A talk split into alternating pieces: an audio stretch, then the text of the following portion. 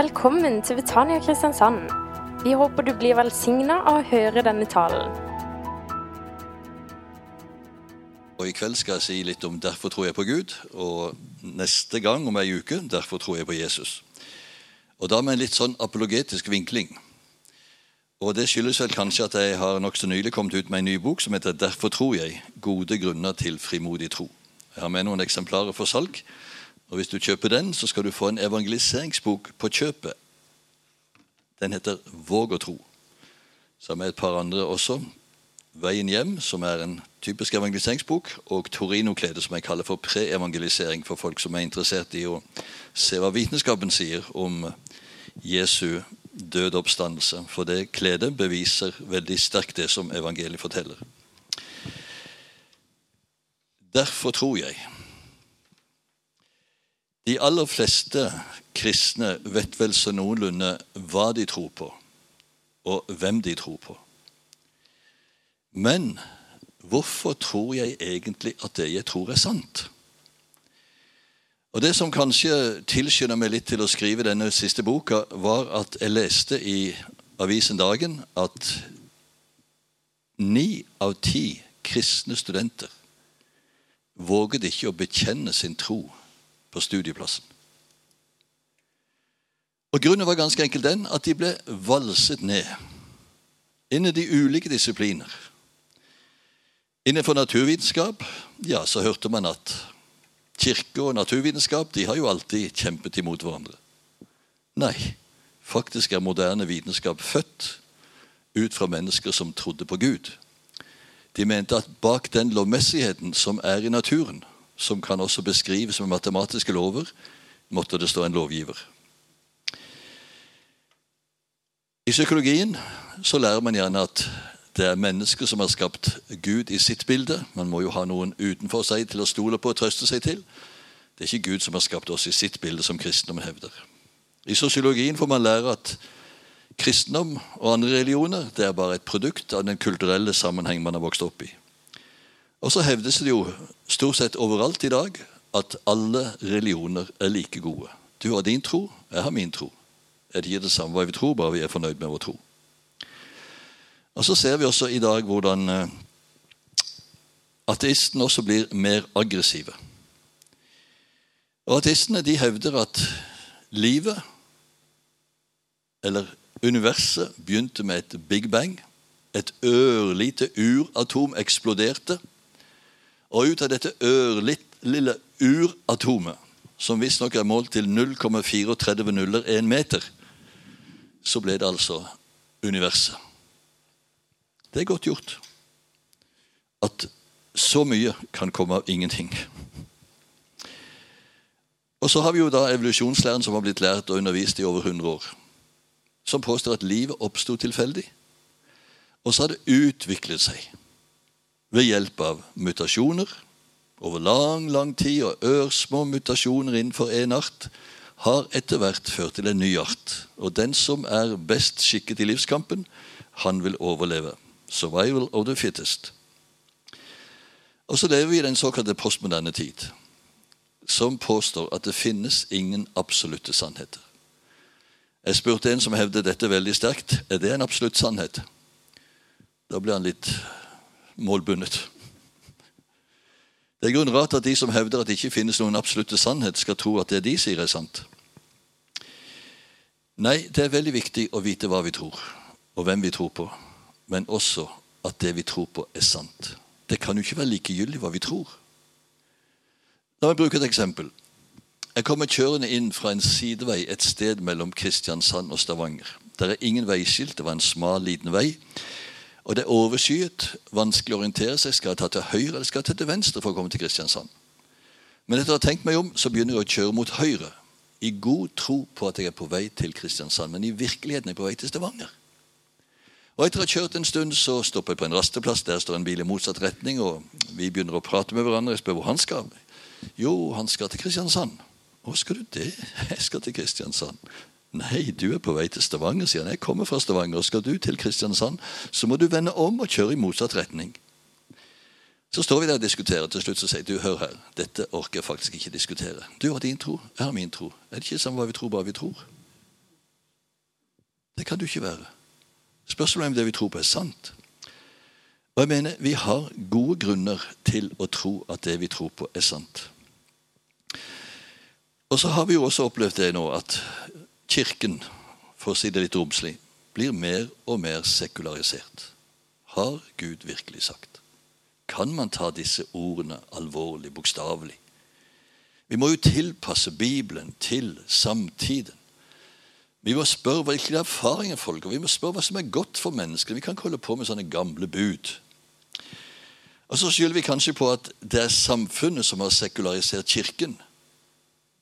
Og så er det kanskje grunn til å spørre er det motsatt.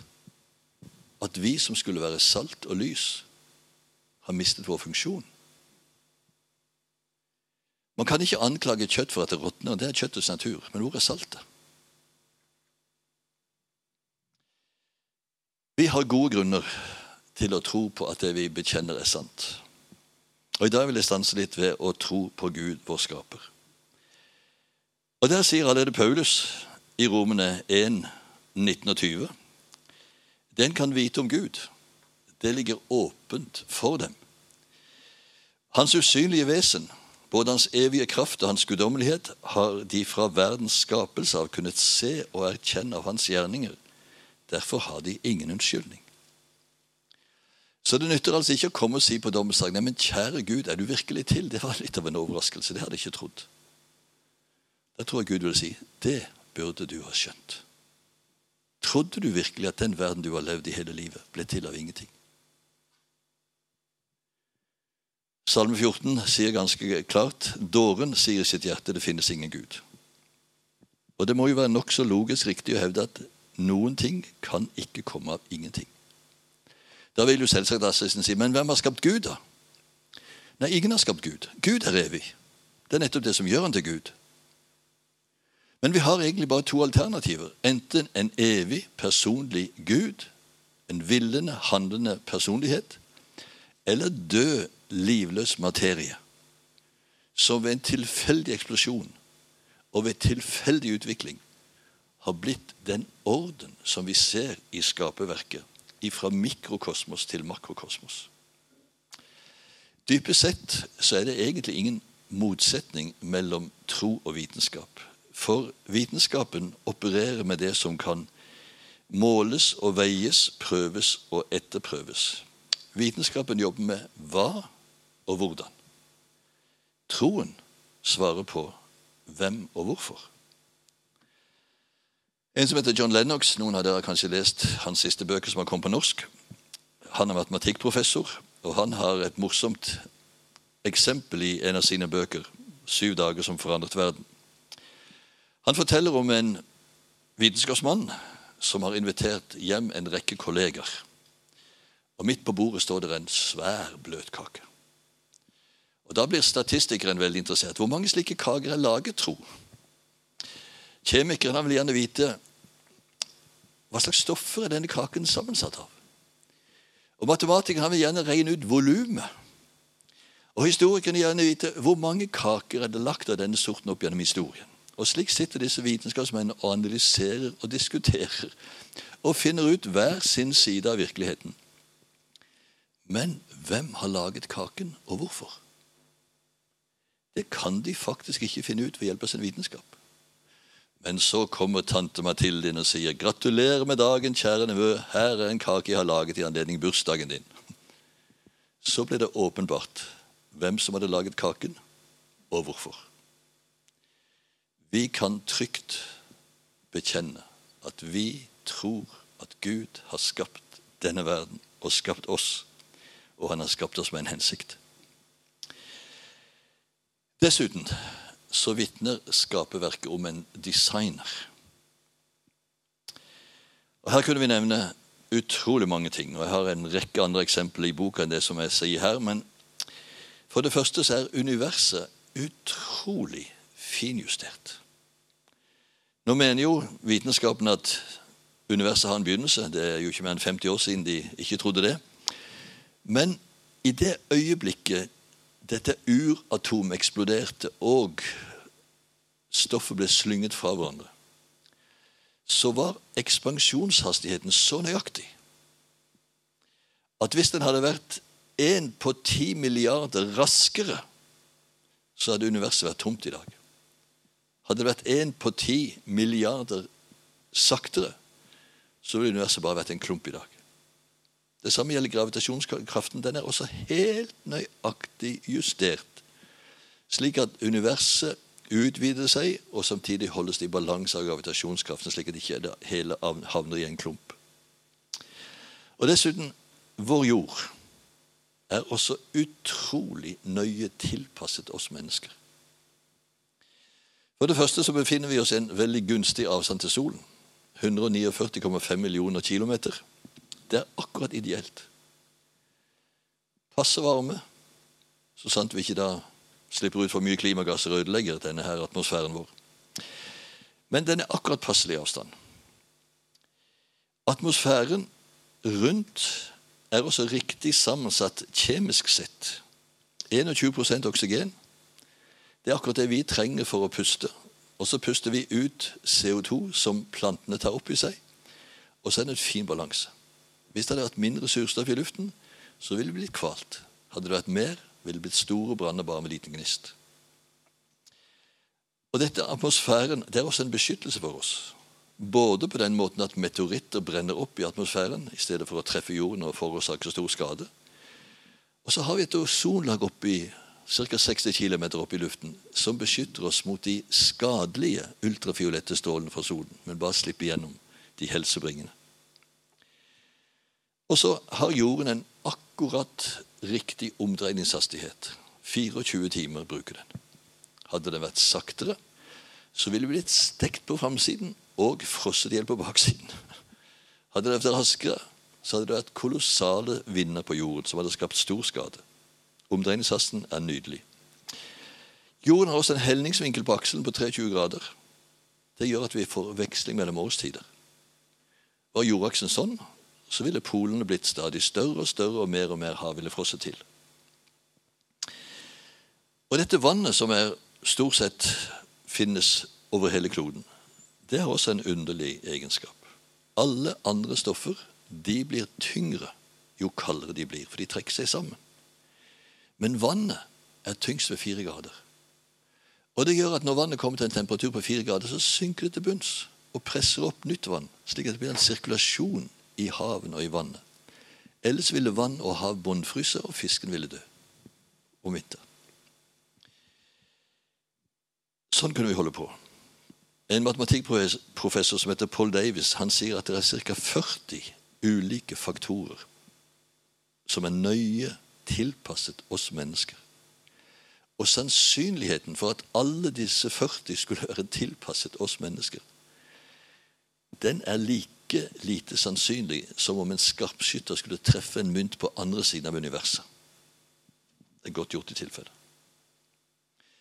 Og vi mennesker, vi har også et mirakel. David sier jo i Salme 139 vi er skapt på skremmende underfullt vis. Ja, det er vi. Vi er utstyrt med fem sanser. Øynene våre det er et fantastisk fotografiapparat. Det innstiller seg automatisk både på avstand og på lys. Vi har to øyne, så vi kan få dybdesyn. Og alt dette her er så finjustert og nøyaktig. Dessuten så har vi en liten tårekjertel her som fukter øyeeplet, slik at det ikke skal gå tørt. Og det som blir til overs, renner ned i en bitte liten kanal og ned i nesa for damper. Genialt konstruert. Og Nå sitter dere og hører på det jeg sier. Og det som skjer da, er at i mitt hode er det en tanke som omsetter seg nerveimpuls, som berører muskler i strupehode og hals og tunge og tenner og det hele, og lager en lyd som treffer deres trommehinne, som settes i bevegelse. Og så beveges denne her væsken som er i øret, så kommer disse her små beina i øret i vibrasjon. Og så sender det nerveimpulser opp til hjernen som den tolker. Og alt dette skjer i brøkdel av sekund. Genialt. For ikke å snakke om hjernen vår. Vi har ca. 100 milliarder nerveceller. Og Jeg leste i A-magasinets vitenskapsdokument, eller vitenskapsblad, at hver eneste hjernecelle har lagringskapasitet tilsvarende en alminnelig PC. Hver eneste. Så du har altså 100 milliarder PC-er oppi hodet ditt. Og Hvert eneste sekund skjer det ca. 40 000 koblinger mellom disse nervecellene. Og så den minste celle i kroppen er som et helt komplisert maskineri. En celle er bare en 100 millimeter, millimeter stor, men likevel som en hel by. Den er omgitt av en celleskall som er som en mur, som åpner og lukker.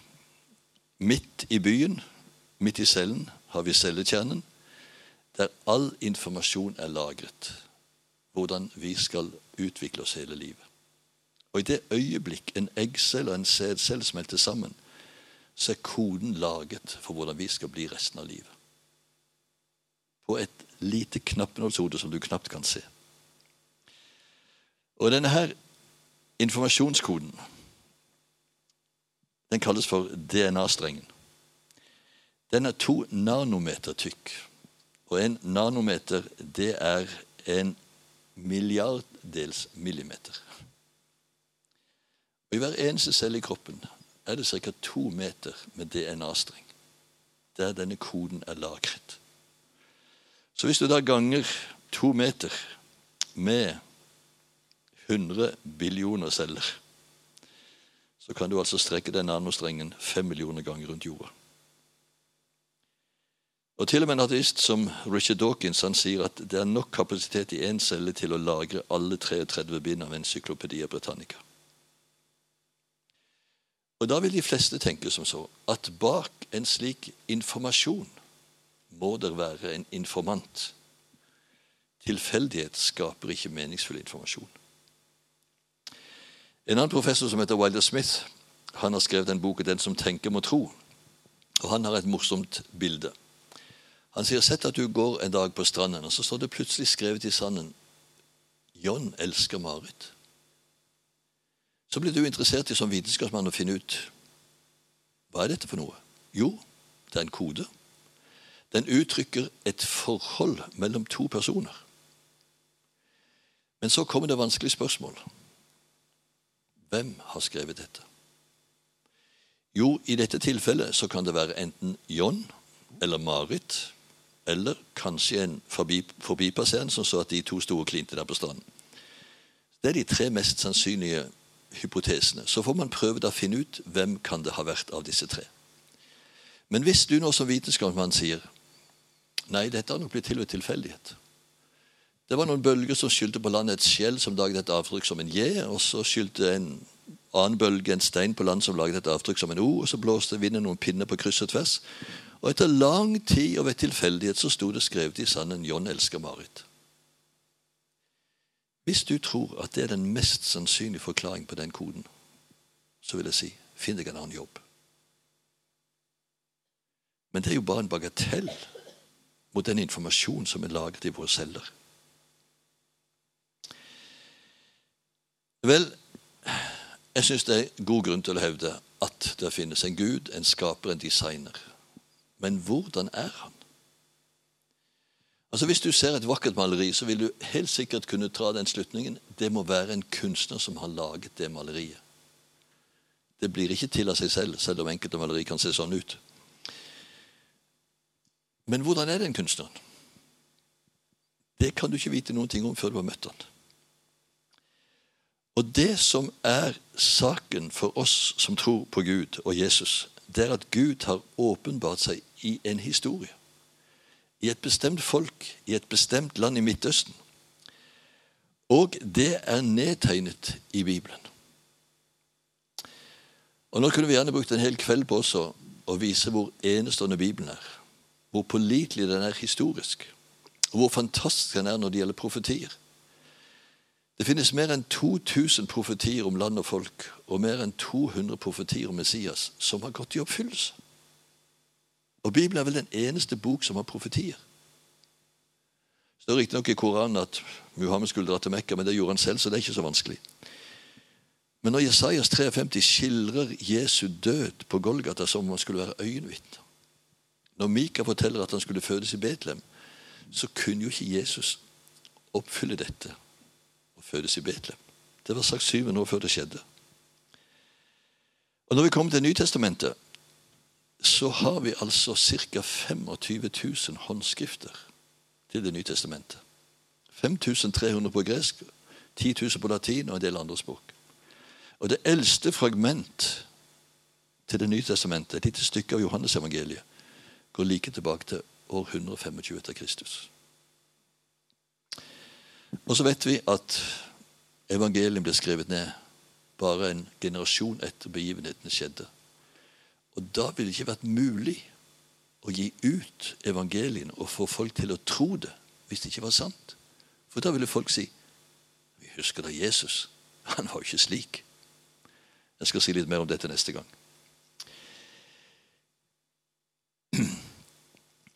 Men det som altså også er sannheten, det er at Gud har landet på vår jord og åpenbart seg på endegyldig måte i Jesus Kristus. Og Det er det veldig viktig for de bibelske forfattere å understreke. Lukas han forteller at han har gransket nøye det som er blitt fortalt og overlevert. Han har ikke vært øyenvitne, men han har snakket med øyenvitner. Matteus var en av Jesu disipler. Han vandret sammen med Jesus i tre år. Markusevangeliet det er egentlig Peters evangelium. Markus var Peters tolk og sekretær. Og du kan merke enkelte ganger at Peter slår litt igjennom i Markusevangeliet. F.eks. når de er på Forklarelsens berg, så sier Peter det er godt at vi er her. Skal vi ikke bygge en hytte, en til deg og en til Moses og en Elias? Og så står det i Markusevangeliet. Peter visste ikke hva han sa. I etterkant man tenkte det var forferdelig dumt å si noe sånt. Bygge hytte til Moses Elias. Men du ser at Peter er liksom bak dette evangeliet. Men Johannes han understreker veldig sterkt dette. Det som våre øyne har sett, det som våre ører har hørt, det som vi tok på med våre hender, om livets ord som ble åpenbart. Vi har sett det, vi har hørt, og vi forkynner det for dere, sier han. Og bedre historiske vitner finnes ikke. Jeg vet ikke hvilke tanker dere har gjort dere om det finnes levende veser på andre planeter, i andre solsystemer og andre, rundt andre soler. Det diskuteres jo stadig, og i over 30 år har astronomer prøvd å lytte på verdensrommet i håp om å oppfatte et eller annet signal som kunne tyde på intelligens. Til dags dato har ikke det lykkes. Men nå leste jeg for ikke så lenge siden at det er en såkalt eksoplanet som svirrer rundt den nærmeste solen i vår galakse. Den heter Alfa Centauri. Den er bare 4,3 lysår fra vår sol. Og et lysår det er jo så langt som lyset går på ett år, og lyset går 300 000 km i sekundet. Så 4,3 lysår det er i grunnen ganske langt. Men iallfall så har de funnet ut at det er en planet der som kan ha livsbetingelser. Ok, la oss tenke oss at der er det noen levende vesener. Hvordan ser de ut? Ja, vi kan jo diskutere. Kanskje du tenker at de ser ut som oss? Eller kanskje tenker du at de har grønne øyne og rød hud og har larveføtter? Eller som andre av disse rare vesenene i Star Wars. Uansett hva vi måtte mene, det ene er like godt som det andre. Men sett nå at det landet en ufo, et romskip, ute på Kjevik. Og vi reiste ut. Og ut kom det noen vesener som kunne fortelle at de hadde lyttet på jorden de hadde lært vårt språk, og nå ville de gjerne hilse på oss jordboere. Og vi fikk hilse på dem, ta dem i hånden, snakke med dem, høre hva de sa. Da ville vi komme tilbake igjen og bli intervjuet i Federlandsvennen med full visshet om at vi vet hvordan de ser ut på Alfa Centauris-systemet. Ikke sant? Og om det høres aldri så fantastisk ut, så er det faktisk det Bibelen forteller. Gud landet på vår jord i Jesus Kristus. Ved vår tidsregningsbegynnelse. Det er jo derfor vi regner tiden fra Jesu fødsel. Og i tre år vandret han offentlig rundt i Israel. Ble sett og ble hørt og ble tatt på. Og det ble skrevet ned. Så vi vet faktisk hvordan Gud er. For Jesus sier 'Den som har sett meg, har sett Faderen'. Nå er det noen som sier ja, men disiplene de var jo subjektive vitner. Selvsagt var de det. Hvordan vet vi noe om Sokrates? Han skrev ingenting. Men vi har ganske god informasjon om Sokrates' dialoger. Fordi hans beste elev, Platon, skrev ned hans dialoger. Og de tror vi på. Var ikke han subjektiv? Selvsagt var han subjektiv. Men subjektive vitner som har levd ganske nær, er jo de beste vitner. Ingen grunn til å tvile på disiplene. Så vi har altså gode grunner til å tro at det vi tror på om Gud, er sant. Ikke bare at det finnes en eller annen kraft, men han er en person, han er en kjærlig, han er en hellig Gud. Han har åpenbart seg i Jesus Kristus. og Det skal vi tale mer om neste gang. Men det som også Jesus lærte oss, det var å kalle Gud for far. Og det er spesielt for kristendommen. Det er helt utenkelig i islam å kalle Allah for far. Men Jesus lærte oss å be Fader vår. Og selv kalte han Gud for far. Han begynte sin tjeneste med å kalle Gud for far, og han avsluttet sin tjeneste med sin ypperste prestelige bønn, der han ber til Gud som far. Og vi som har blitt født på ny, som har blitt Guds barn, vi får også lov til å kalle Gud for vår far. Har dere forresten lagt merke til en interessant ting? I evangelien kalles Jesus for Guds enbårne sønn. I brevene kalles han for den førstefødte blant mange søsken. Så vi har samme far. Og det å ha Gud, skaperen av himmel og jord, som far, det gjør meg stolt og glad. Dere vet jo Når barna er små, da gjelder det om å diskutere hvem som var den sterkeste av faren.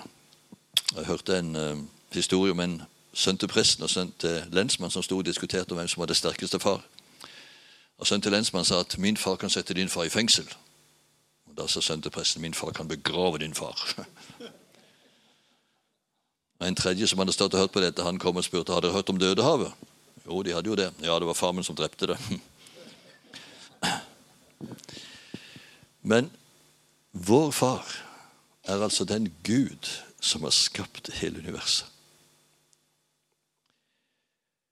Og Da blir jeg fylt av undring og takknemlighet og stolthet. Jeg var en høstkveld for noen år siden oppe på hytta vår. Vi har ei lita hytte over i Evjetraktene. Og Det var en sånn en gnistrende klar høstkveld. Og Der oppe er det ingen gatelys eller utelys. Der er komplett mørkt. Og Da skjønte jeg hvorfor dette Melkeveien, for den gikk faktisk som en stripe over himmelen. Og Der sto jeg i nattemørket. Et lite støvnugg på en planet som snurrer rundt solen. Som er en av 200 milliarder soler i Melkeveien. Og så er vår galakse en av ca. 200 milliarder galakser i universet. Og de oppdager stadig flere. Og Så følte jeg nesten som det lød i mine ører Davids ord i Salme 8. Når jeg ser din himmel, månen og stjernen som du har satt der, hva er det et menneske at du kommer han i hu? Og så svarer David. Du gjorde ham, altså mennesket, lite ringere enn Gud. Så høyt akter Gud oss og ser på oss, vi som er bare et støvnugg. Vi er det ypperste Gud har skapt. Vi er nest etter Gud. Det er ingen grunn til mindreverdsfølelse. Og det at Gud er vår far, det betyr også at han har omsorg for oss. Det er litt interessant at I Jesajas 49 så sammenligner Gud seg med en mor som har omsorg for sitt diebarn. Kan vel en kvinne glemme sitt diebarn og ikke ha omsorg for sønnen hun fødte? Om så hun glemmer deg, hvilket er umulig Når en mor gir bryst, så sprenger melken på, og da husker hun at du har et barn. Men om så hun skulle glemme, så glemmer ikke jeg deg, sier Herren. Og da vi sier i Salme 103, vers 13.: Som en far er barmhjertig mot sine barn, slik er Herren barmhjertig mot dem som frykter ham. For noen år siden så kom det en dame inn på kontoret mitt. Hun ville være en kristen, men hun hadde rota det skikkelig til for seg. Hun hadde falt i en synd, og for å skjule den synden så har hun begått en ny synd, og nå viklet inn i et nettverk av synd og elendighet. Og Etter å ha fått bekjent alt dette, så kom det så forpint. Jeg er så redd for at jeg har brukt opp Guds nåde. Og Da måtte jeg spørre henne vet du hvor stor Guds nåde er. Nei, det visste hun ikke. Så sa jeg David beskriver den i Salme 103. Så høy som himmelen er over jorden, så stor er Herrens misken mot dem som frykter. Hvor høyt er det? Det må være uendelig høyt, sa hun. Ja. Så langt som øst er fra vest, tar han våre synder bort fra oss. Hvor langt er det? Ja, Det må jo være uendelig langt, sa hun. Ja. Fra evighet til evighet varer Herrens miskunn. Hvor lenge er det? Ja, Det må jo være evig lenge. Ja. Og så tror du, lille støvfnugg i universet, som lever en brøkdel av tiden, at du kan bruke opp Guds nåde. Nei, her er det nåde over nåde. Og for det tredje, å ha Gud som far, det gjør at vi kan ha frelsesvisshet. Vi skal få lov til å vite at vi er Guds barn. Johannes skriver i sitt første brev, kapittel 5, og vers 13.: Dette har jeg skrevet til dere for at dere skal vite at dere har evig liv, dere som tror på Guds sønns navn. Og faktisk det er også spesielt for kristendommen. Ingen annen religion lærer at du kan ha frelsesvisshet. For alle religioner, fra de mest primitive til de høytstående, lærer at du må gjøre så godt du kan i håp om at du skal nå saligheten, enten det er paradis eller nirvana eller hva det nå heter. Men hvordan kan du da vite om du er god nok? Det kan du aldri vite. I islam så er Allah nærmest som en skålvekt. Her er de gode gjerningene, og her er de dårlige gjerningene. Hvilken vei tipper det? Forhåpentligvis den veien. Men alle er lunefulle. Han kan kaste hvem han vil bak sin rygg. Og ingen garanti.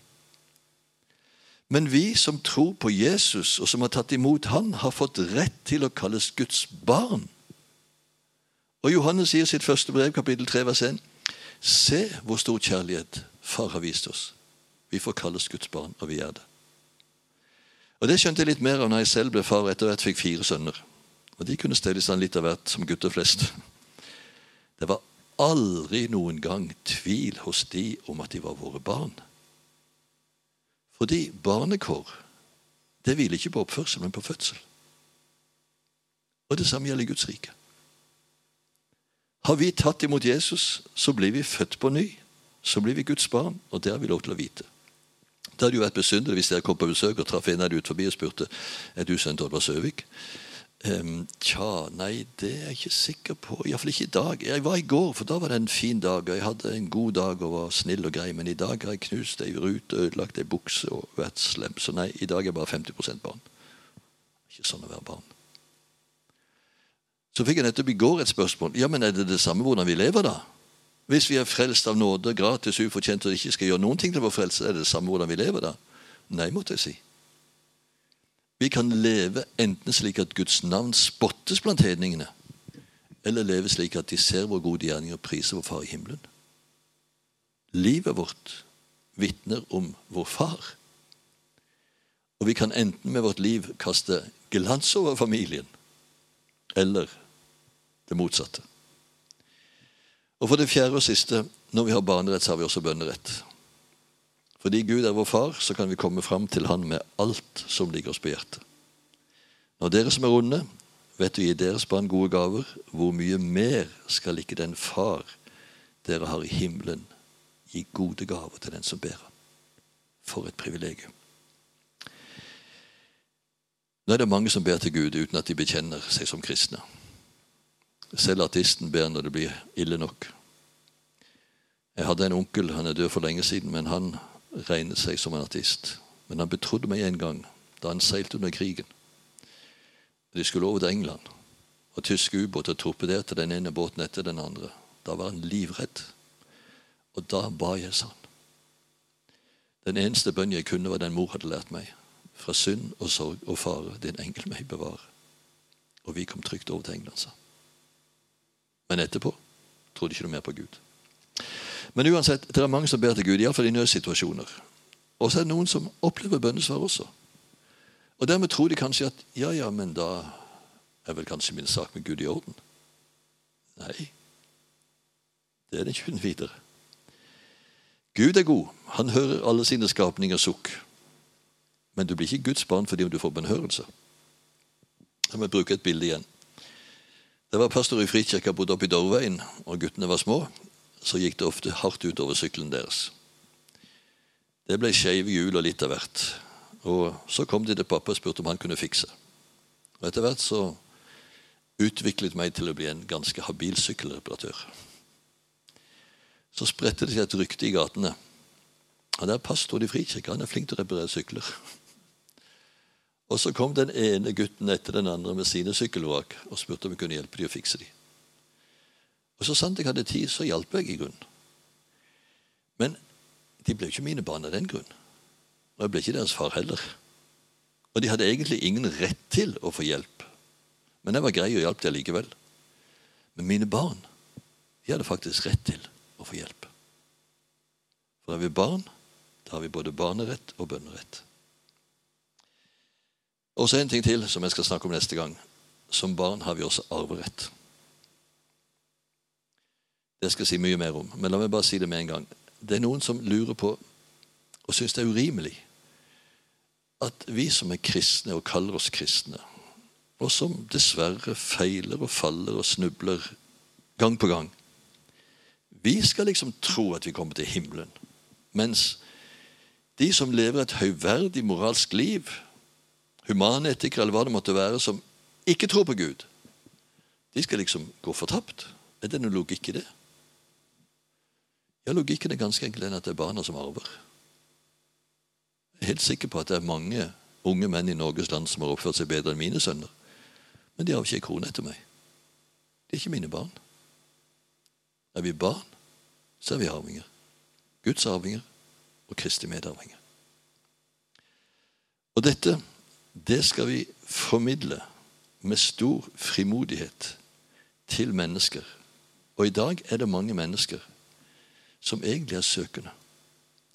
Og Derfor er det jeg har tatt med disse her ekstrabøkene. For om du ikke føler at du kan helt vitne med dine egne ord, så kan du vitne med andres ord. Denne lille boka her er det mange som rett og slett har det seg frelst ved. Denne her boka er mer for skeptikere som sier 'får det ikke til å tro'. Ja, men våger du å tro? Traff en dame for en tid siden og hun sa 'Søvik, jeg får det ikke til å tro'.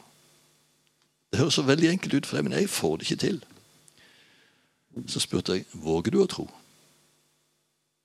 Ja, hva mener du med det, sa hun. Og Nå lærer vi ofte best ved å bruke bilder, så jeg sa du, sett at både du og meg led av en uhelbredelig sykdom. Vi ville før eller siden dø. Men så har jeg nettopp fått vite nå er det en lege som har funnet opp en medisin som helbreder denne sykdommen fullstendig. Og jeg har vært hos denne legen, og jeg har blitt frisk. Du må også gå til denne legen. Hvis du da sier det virker så enkelt for deg, men jeg får ikke til å tro dette. Da vil jeg egentlig lure på vil du egentlig bli frisk. Hvis du våger å gå til Jesus, så kan du få erfare at han er veien, sannheten og livet. Han er sannheten om den vei som fører til livet, det evige liv. La oss be. Herre Jesus Kristus, takk at du forlot din himmel, steg ned i våre kår og ble oss lik for at vi skulle bli deg lik. Takk at du har åpenbart for oss hvordan Gud er. Takk at du var full av nåde og sannhet. Hjelp oss, Herre. Lær oss til å formidle nåde til de mennesker vi møter, men samtidig også din sannhet som kan sette mennesker i frihet. Herre, vil du eh, være med oss, være på vår plass der vi er satt, der vi bor, slik at vi kan spre dette gode budskapet. At det går an å bli Guds barn ved troen på Jesus Kristus.